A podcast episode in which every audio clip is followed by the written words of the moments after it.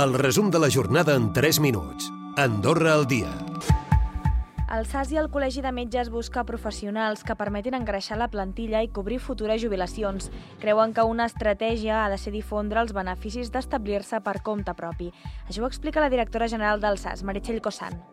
Ni la investigació ni la subespecialització dins de l'àmbit hospitalari marcaran una, una diferència i en canvi el que, el que sí que tenim per, per sistema sanitari és el tema del, de, del compte propi de l'autogestió, que aquí és on sí que pots tenir un petit incís i més de 400 persones han sol·licitat una prestació per a fills a càrrec durant aquest any.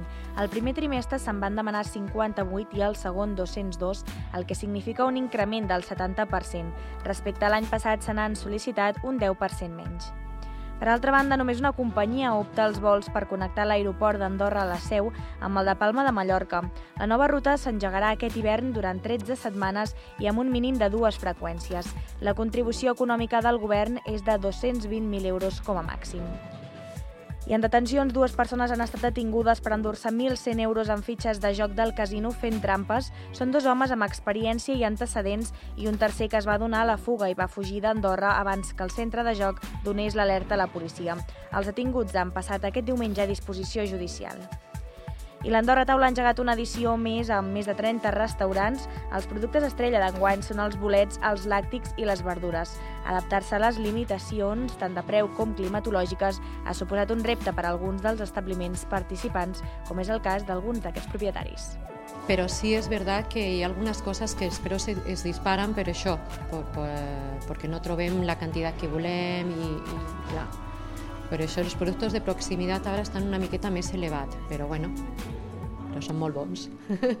jo crec que el més apassionant de la cuina de muntanya, bueno, o de la, de la gastronomia en general, és treballar justament en producte de quilòmetre zero, perquè al final tu treballes eh, i tens que adaptar-te a les condicions, no? I això requereix més creativitat, pensar més coses, eh, i jo crec que això és el apassionant d'aquest món, que no saps mai què et trobaràs.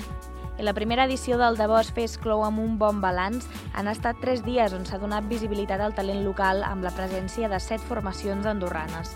L'organització ja pensa en la següent edició que creuen que sempre hi ha marge de millora. Així ho explica l'organitzador del Davos, Juli Barrero.